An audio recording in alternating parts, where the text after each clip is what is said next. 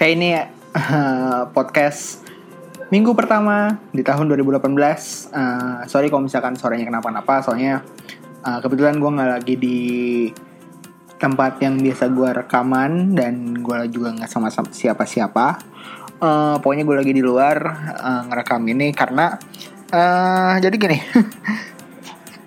Sebelumnya gue mau minta maaf sebesar-besarnya kepada Randi ya, Randi podcast besok Senin. Kenapa?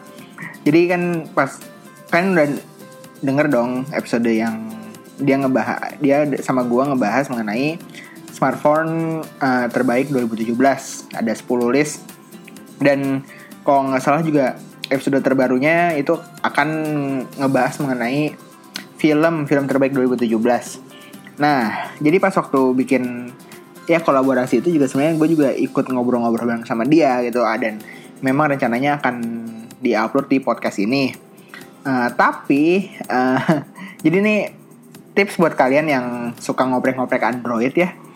Memang backup itu adalah sesuatu yang hal yang penting, penting sekali.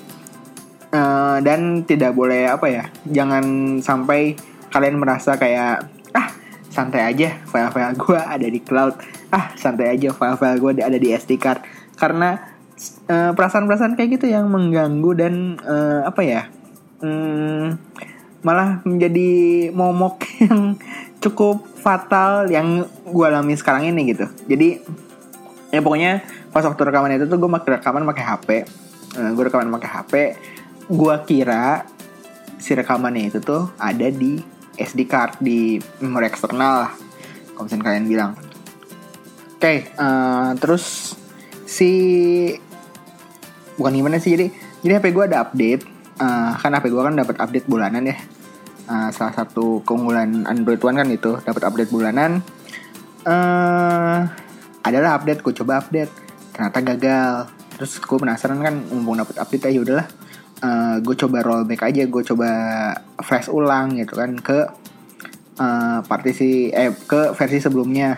Biar update-nya bisa lebih lancar lah atau apa segala macam nah jadi gue flash dan ternyata gue memilih flash dan uh, apa menghilangkan beserta storage storage-nya jadi uh, memori internal juga di format abis seperti itu. Nah awalnya ya udah oke okay, kontak udah kesing dari Google segala macam file-file yang di folder download juga nggak penting-penting amat. Bisa gue download ulang lagi. Terus kamera juga udah ada di SD card segala macam dan akhirnya ya udah langsung flash aja. Flash. Terus pas waktu lagi nginstal-nginstal dan setup-setup awal gue buka aplikasi audio recordingnya terus loh kok ini audionya mana kok? Nggak ada. Dan ternyata hilang dan ya berarti obrolan ber apa bareng sama Randy podcast besok Senin. Berdurasi sekitar satu jam itu hilang. Gue udah coba nge-restore nge-recovery dengan berbagai cara. Pakai tools dari Windows tools dari apa namanya dari Androidnya sendiri aplikasi Android dan nihil nggak ada hasilnya. Terus gue juga udah minta maaf ke Randy dan segala macam. Ya semoga dia bisa memahami lah. Tapi uh, oleh karena itu di episode episode ini gue tetap akan mencoba nge-rehash kira-kira apa aja sih yang waktu itu gue bahas sama Randy oke okay, jadi uh, waktu itu tuh gue sama Randy itu ngebahas mengenai playlist dia spot di Spotify.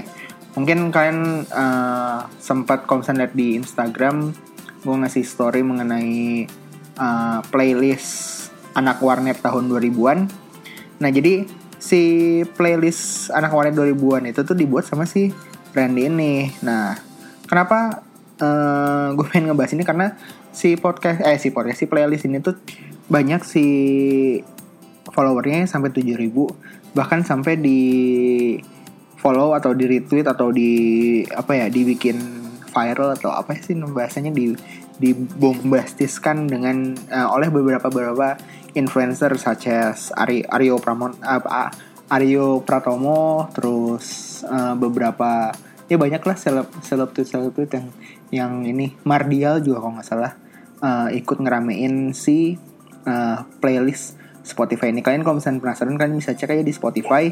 Judulnya itu playlist eh, eh anak warnet tahun 2000-an di situ nah sesuai dengan judulnya si playlist ini tuh uh, emang membuat kita nostalgia zaman-zaman pada saat kita masih jadi anak warnet itu. Soalnya lagu pertama yang muncul itu tuh lagunya Avenged Sevenfold Dear God yang emang pasti dimainin di semua ini semua warnet lah waktu zaman dulu. Terus juga banyak banget lagu-lagu yang apa ya katakanlah sentimental. Terus kalau misalnya kalian nyobain dengerin kalian pasti kayak eh iya ya uh, gue dulu suka dengerin lagu ini. Terus kayak uh, keinget lagi memori-memori dulu terus mungkin akan dimasukin ke library Spotify kalian. Seperti misalkan lagunya Ten to Five nih yang I Will Fly terus lagunya siapa lagi ya? Ratunya lagunya Ratu Laki Boya Darat terus banyak lah mungkin kebanyakan si lagu-lagu di sini uh, ya walaupun ada beberapa yang side stream atau bahkan lagu-lagu barat tapi uh, porsi lagu popnya juga cukup cukup cukup banyak ya. So kenapa si porsi lagu popnya cukup banyak?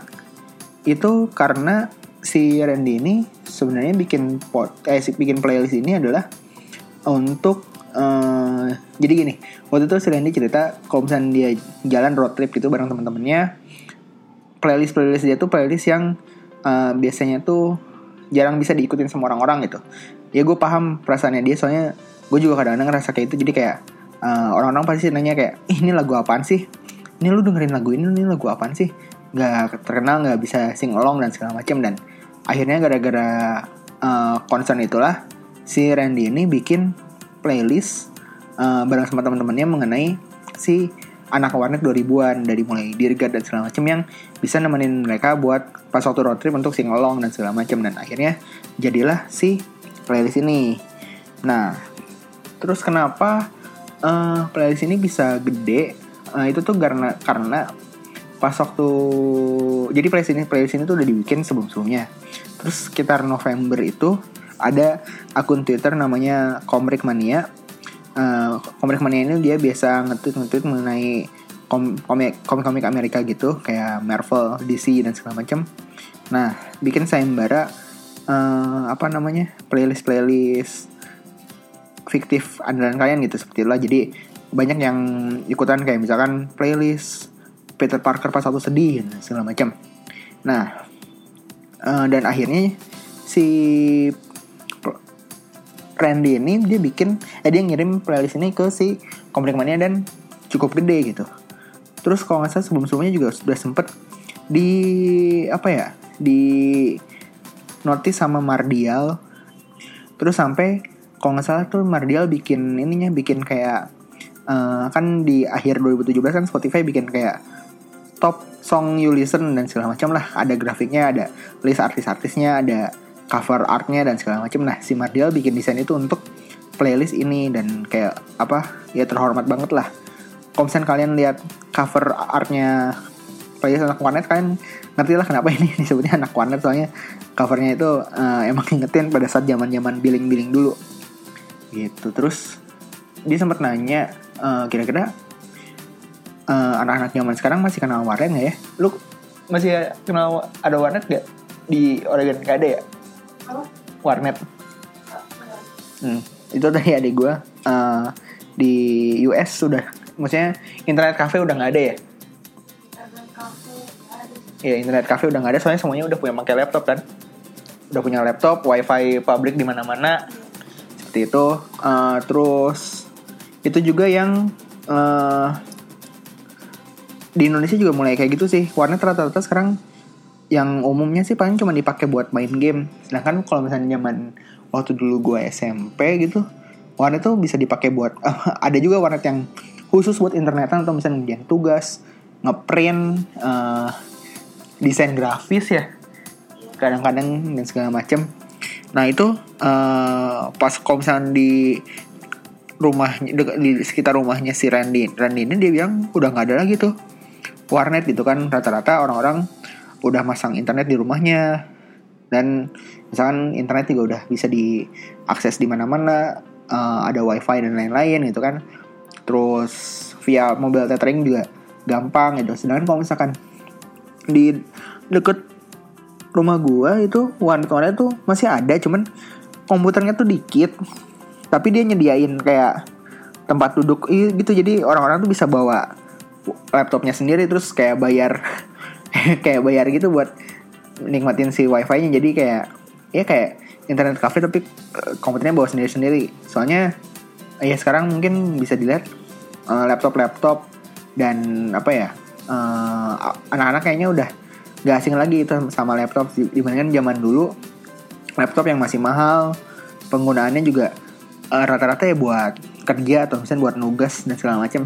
Sedangkan sekarang kan uh, anak kecil aja udah minta dibeliin laptop buat gaming apa lagi GTA 5 kali atau apa segala macam.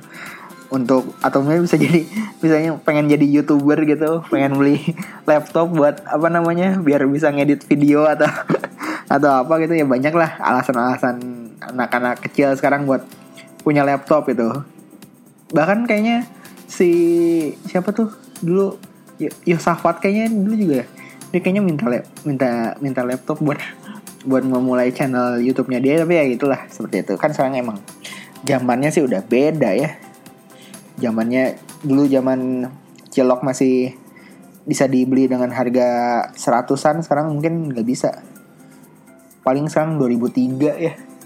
Cilok seperti itu. Jadi itu gue, gue ngebahas mengenai playlistnya. Playlistnya bisa banget kalian dengerin uh, gue yakin kalau misalnya kalian denger si playlist tersebut uh, mungkin banyak apa ya kayak kenangan-kenangan yang terulang kembali. Mungkin ada lagu-lagu cinta yang kalian dulu utarakan ke kekasih kalian pada saat sekolah. Dan ada lagi di playlist tersebut ya. Siapa tahu coba kalian dengerin uh, linknya mungkin akan gue taruh di deskripsi kalau misalnya mau langsung klik atau kalau misalnya kalian mau search manual bisa search dengan keyword uh, ini dia judulnya itu playlist anak warnet 2000an seperti itu uh, dibikin sama Randy Arbiantama. Jadi uh, sebenarnya penemuan si playlist ini juga sebenarnya ada sedikit cerita juga. Jadi pas waktu si playlist ini booming, pas waktu si playlist ini gede, uh, banyak yang ngomongin di Twitter terutama. Gue ngeliat kayak oh ada playlist ini gitu. Dan pada saat itu tuh gue udah dengerin podcast besok Seninnya si Randy Arbiantama ini. Nah, dan tapi pas itu gue nggak tahu siapa yang bikin cuman siapa yang bikin si playlistnya cuman ya ya udahlah uh, ini lucu juga nih ada lagu-lagu ini ada playlist playlist yang kayak gini. Lucu banget nih. Gue waktu itu kesan gue masih masih di situ. Terus akhirnya gue dengerin terus langsung kayak penasaran. Ih ini siapa yang bikin ya? Pas waktu gue lihat si ininya si created by nya ini namanya kok kayaknya nggak asing ya? Kayaknya pernah ada di Instagram atau apalah. Dan ternyata memang ya gue ngefollow udah ngefollow si Randy ini di Instagram dan dan oh orang ini ternyata yang bikin gitu. Makanya uh, pada saat itu uh, diajakin ngobrol bareng. Ya salah satu topik yang pengen gue bahas ya si playlist ini. Cuman ya maaf banget ya si audionya hilang untuk selamanya. Ini akan jadi pelajaran banget sih buat gue buat abis rekaman atau apa langsung backup ke komputer atau kalau bisa langsung ke cloud aja biar nggak nggak apa kemungkinan untuk hilang selamanya itu semakin kecil seperti itu. Terus selain membahas playlist anak warnet ini, uh, jadi kebetulan kita sama-sama ya mungkin bisa dibilang uh, suka dengan film Star Wars. Uh, kita juga udah nonton Star Wars The Last Jedi. Jadi ya karena ini udah udah dua minggu juga ya jadi nggak apa-apa lah ya kita apa waktu itu gue mau bikin spoiler reviewnya uh, gue coba inget-inget kira-kira tanggapan dari Randy ini. Jadi menurut Randy ini The Last Jedi ini dia senang banget karena satu uh, adanya uh, ini Admiral Akbar yang kayak apa yang meme-nya tuh terkenal dengan It's a Trap yang dari episode 6 apa Return of the Jedi. Itu ada di si The Last Jedi ini. Dia walaupun cuma dikit tapi dia kayak senang banget tuh dan apa ya dia kayak berharap pas waktu scene akhirnya tuh yang yang yang begitu tuh si Admiral Akbar biar lebih heroik atau apalah. Cuman ya for the sake of the story dan segala macam mungkin kali ya. Jadi uh, si Admiral Akbar ini emang dimatikan uh, dalam sekejap. Seperti itu. Terus apa lagi ya?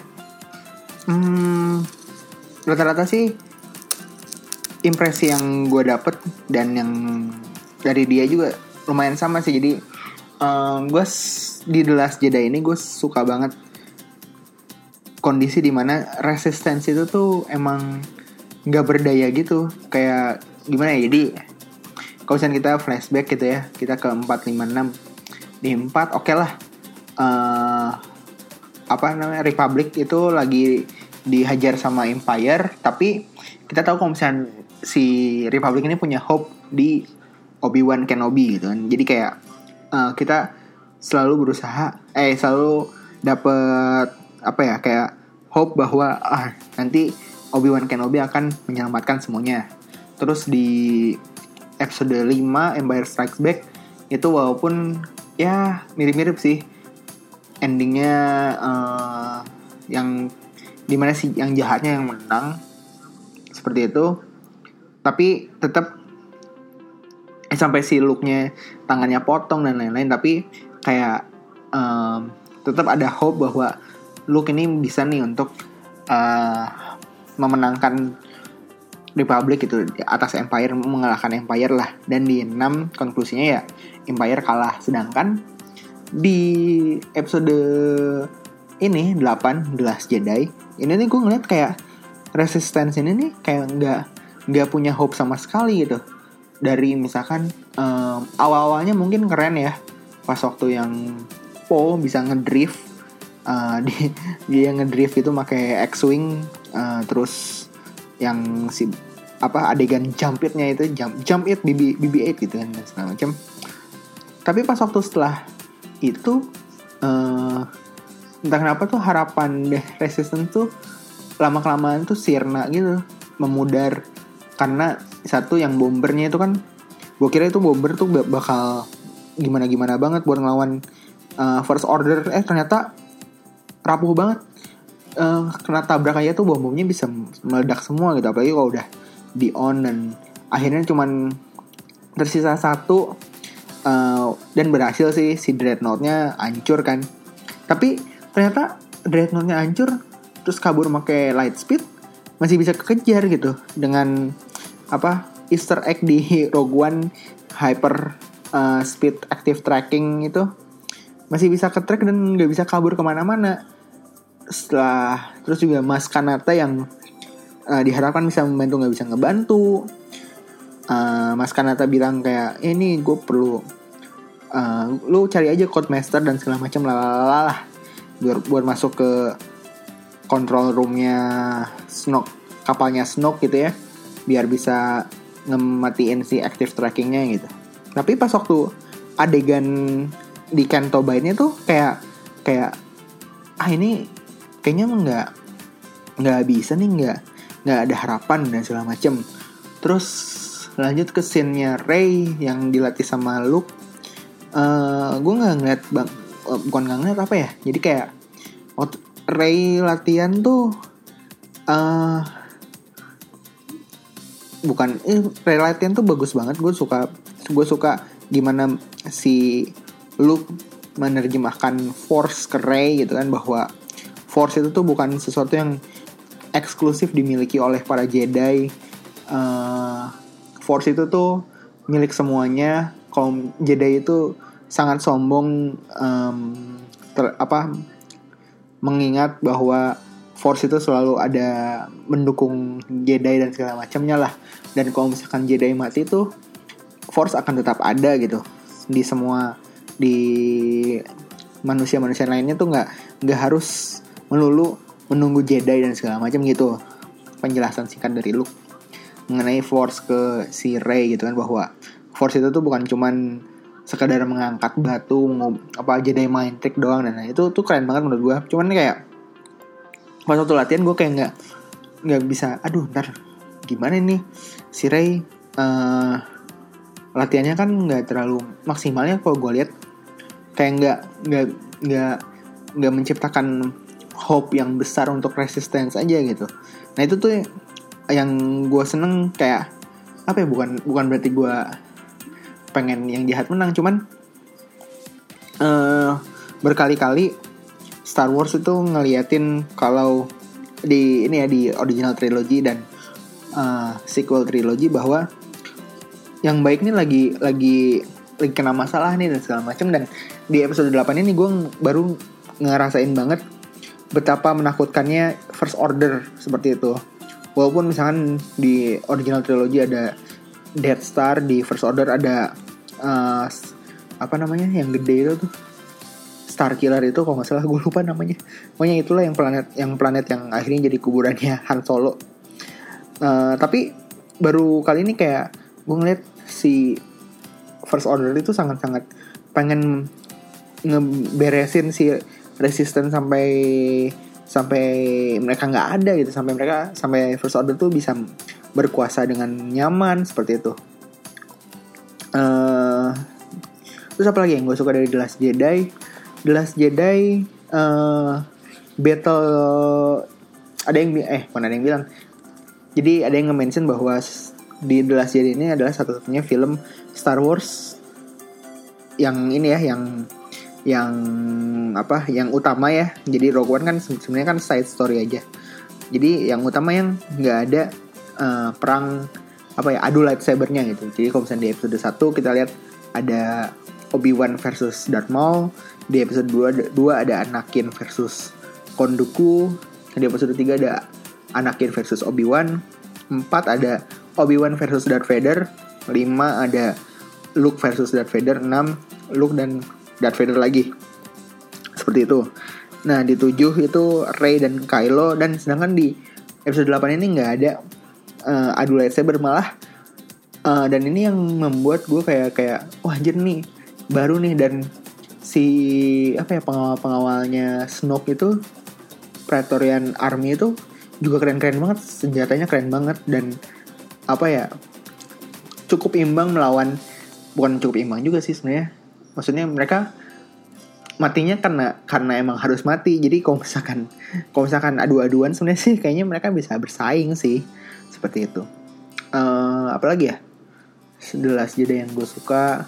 Uh, awal-awal tuh yang gue rasain pas waktu nonton The Last itu pengen nangis.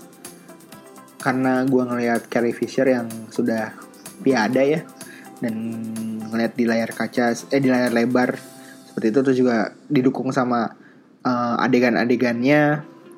Uh, yang sangat mendramatisir. Uh, seperti pas waktu apa ya dikejar-kejar sama first order terus juga apa uh, first order yang ngejarnya ngejar-ngejar terus resisten sampai mereka ngeledakin kokpit menewaskan Admiral Akbar tapi ah, alhamdulillahnya Leia selamat. Gue nggak tahu nih ntar di episode 9 kira-kira gimana? Apakah Leia cuma diceritain di belakang layar doang atau gue nggak tahu katanya sih nggak mereka nggak mau pakai CGI atau apalah cuman gue juga kurang tahu juga sih kayaknya sih uh, apa diceritain di belakang layar aja misalnya kayak Leia sekarang udah apa di dia ngurusin di planet ini aja dia udah capek ngurusin-ngurusin tapi dia tetap punya hope dan uh, harapan itu diturunkan ke Po gitu kan seperti itu. Terus oh ya, yang mengenai Po juga gue suka banget. Po di uh, The Last Jedi ini. Di The Force Awakens itu Po itu uh, kurang banget digali karena screen time-nya memang kurang. Terus uh, apa keterlibatannya juga di di film juga nggak terlalu. Kita cum cuman dikasih lihat bahwa uh, dari The Force Awakens ini Finn dan Poe itu jadi best buddies lah jadi soulmate gitulah dan segala macam. Dan itu dilanjutkan kembali di episode 18 Jedi. Dan uh, Poe mendapatkan banyak sorotan terutama yang gue suka adalah bagaimana evolusi karakter dia dari yang awalnya ugal-ugalan uh, bom sana sini dan segala macam sampai uh, rela untuk nggak apa ya nggak mengikuti egonya dia dan yang penting itu adalah keselamatan anggota-anggota resistance yang lainnya. Seperti itu. Terus uh, Easter egg Easter egg juga gue suka ada banyak Easter egg yang gue temuin. Salah satunya mungkin kalau misalnya kalian uh, main Star Wars Battlefront 2 kan ada campaignnya itu. Nah karena gue nggak punya PS4 kan gue nonton di YouTube.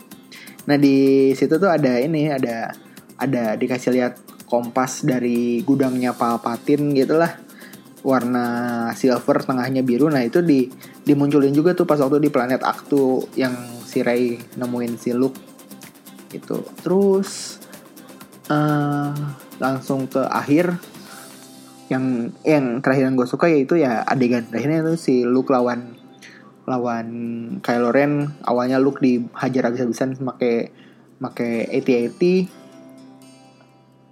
terus Luke dengan uh, gagahnya cuman apa beresin apa bersihin pundak gitu kayak ehm, gini doang gitu. Akhirnya Kylo Ren turun dan mereka berantem. Dan dari situ gue harus nonton dua kali sampai baru sadar. Jadi kan di ya kan battle nih berantem. Walaupun nggak nggak adu-aduan sih cuman si Luke-nya banyak banyak banget ngehindar ngehindarnya sampai akhirnya si uh, Kylo Ren tahu kalau misalkan uh, Luke itu cuman projection doang nah pas waktu gue nonton kedua kalinya tuh gue baru sadar tuh ternyata sebelum Luke ngasih tau ngasih atau ngeliatin kalau dia tuh cuma force projection tuh udah ada tanda-tandanya. Salah satunya adalah pas waktu dia nge apa nggak salah satu sat, yang pertama adalah dia nggak ada bersentuhan sama sekali dengan Kylo Ren pada saat battle. Yang kedua pas waktu ada sempat adegan di mana si Luke-nya itu tuh kayak mm, menyapu si tanahnya tapi si tanahnya itu tuh nggak berubah jadi merah sedangkan si di awal-awal planet apa sih crate itu tuh dijelasin kalau misalkan lu kalau nginjek aja tuh lu si putihnya tuh berubah jadi merah gitu karena garam atau apalah segala macam. Itu tuh di baru nonton kedua kali baru ngeh gitu sampai dan juga gue juga baru ngeh pas nonton kedua kali uh, itu buku-buku yang ada di temple di planet Aktu itu udah di, diambil sama si Ray pas waktu adegan Finn nyari apalah buat nyembuhin si Rose terus buka buka laci terus ada buku-bukunya. Oh ya Yoda juga ada di sini keren banget. Yoda uh, yang Skywalker itu. Keren banget. Uh, apalagi ya itulah.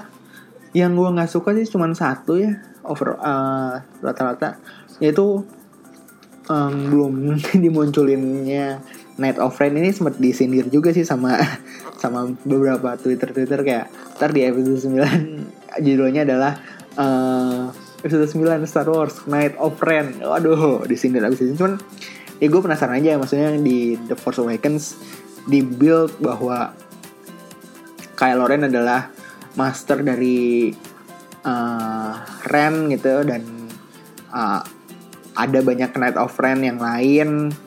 Terus walaupun di sini sempat tease juga bahwa uh, si Kylo Ren si Ben Ben Solo ini dia setelah mem membunuh banyak apa padawan-padawan yang dilatih sama Luke. Padawan itu yang ini ya jedai-jedai muda yang masih butuh belajar. Dia juga ngambil beberapa murid-murid yang apa ya yang ngegeng sama dia lah kayaknya. Untuk yang katanya sih murid-murid yang ngegeng sama dia itu yang diambil itu tuh katanya jadi Night of Ren. Jadi tapi gue juga nggak tahu. Gue sempet uh, ekspektasi gue terhadap Night of Ren setelah film ini makin tinggi. Karena apa? Kenapa? Karena ya gue bisa berharap aja ntar di episode 9 kan uh, Snoke dijaga oleh Praetorian Army gitu ya yang merah-merah itu yang mungkin aja di episode 9 nanti si Kylo Ren uh, dijaga sama si uh, Night of Ren yang lainnya seperti itu. Terus mengenai kematian Snoke ini gue uh, apa ya masih janggal ya di dalam hati kalau dari dialog-dialog yang dilakukan sebelum si Snoke-nya mati. Uh, gue udah nonton dua kali dan emang masih ngerasa janggal juga menurut gue kayak kayak uh, apa terlalu spesifik dan terlalu terlalu apa ya uh, di difokuskan ke Snoke dan lain-lainnya ya. Jadi ya gue sih berharap Snoke-nya itu tuh ya masih ada peran lah untuk di episode 9 nanti entah itu di flashback atau misalkan memang ternyata nggak mati dengan sia-sia dipotong bagi dua terus lehernya keluar eh, gitu kayak gitu. Itu sih gue berharap Snoke ini apa masih ya ada peran lah di episode 9 nanti. Oke okay, uh, eh, terus buat kalian yang mungkin tanya-tanya itu di scene terakhir siapa? Ya menurut gue sih kayaknya itu cuman ini aja apa portrait bahwa Jedi itu tuh bisa semua orang tuh bisa jadi Jedi dan semua orang tuh nggak harus apa ya bisa mengendalikan atau mengontrol force uh, sehingga ya bisa bermanfaat untuk semua orang seperti itu. Ya itu kira-kira itu. Uh, sekali lagi gue minta maaf buat Randi. Ran maaf ya Ran. Ntar kita ngobrol-ngobrol lagi deh. Bebas. Lu yang pilih topik dah. Ntar gue yang tanya-tanya dan segala macam. Siapa tuh lu pengen tanya-tanya. Uh, Ran kenapa sih lu bikin apa? Nyen. Kalau misalnya alasan dia bikin podcast dia suka bilang ini atau enggak. Uh, Ran selama setahun ini apa aja sih kesulitan lu dalam buat podcast gitu ya? Ya gue bener siap sedia lah. Gue uh, akan ya bisa lah gue pasti usahain untuk datang dan apa ngobrol kok kita ngobrol-ngobrol bareng lah gitu. Seperti itu. Oke okay, uh, thank you udah dengerin. Mungkin ini ya beda dari yang lain. Podcastnya karena nggak ada intro dan segala macem nggak gue juga nggak baca berita karena uh, ya emang ini sebenarnya harusnya buat apa episode yang dikhususkan untuk Randy Arbiantama kalau misalnya kalian penasaran siapa sih podcast besok Senin atau Randy Arbiantama itu kalian uh, bisa cek soundcloudnya dia di soundcloud.com slash podcast besok Senin. Sesuai namanya berarti podcastnya itu selalu update setiap hari Minggu atau ya Minggu sore lah kira-kira. Uh, biasanya ngebahas dia ngebahas topik-topik yang umum ya yang relevan sama kita di sehari-hari kadang-kadang dia sempat ngebahas politik, dia sempat ngebahas mengenai seni, dia membahas TV series, membahas film. Jadi ya uh, kalau misalnya kalian uh, pengen dengerin yang hmm, lebih umum gitu ya, nggak nggak kayak gue gini yang sok-sokan fokus ke gadget dan teknologi, kalian bisa coba dengerin di soundcloud.com slash podcast besok Senin. Di YouTube-nya juga ada. Pokoknya link-link segala macamnya ada di deskripsi. Uh, Instagramnya Randy Arbiantama juga. Eh bener gak sih ada di Arbiantama Iya kan ada Randy Arbiantama eh ya itu. Uh, oke. Okay. itu aja dari gue terima kasih sudah mendengarkan. Uh, kalian dengerin nggak dengerin? Besok tetap Senin. Eh enggak sih ya besok tetap Rabu. Pokoknya Uh, terima kasih yang udah mendengarkan. Kalau misalnya kalian punya pertanyaan, kritik dan saran, pengen request atau apa, bisa hubungi mengenai di email kotak surat at rvpra.my.id atau di sosmed-sosmed juga kalian boleh lah. Gue uh, sebenarnya cukup menghindari komentar-komentar-komentar di SoundCloud. Kenapa? Karena ya ntar komentar-komentarnya tuh hilang dan apa ya menurut gue komentar-komentar kalian cukup ber, sangat berharga untuk podcast ini dan sayang banget kalau hilang jadi ya kalau di email kan uh, umurnya akan lama walaupun nggak nggak terlalu pamer sih tapi ntar gue, gue bacain kok santai aja. Oke okay, uh, eh, semoga minggu kalian menyenangkan selamat liburan bagi yang lagi liburan selamat bekerja bagi yang mulai bekerja di tanggal 2 ini atau tanggal 3 tetap semangat dan semoga minggu kalian menyenangkan. Dadah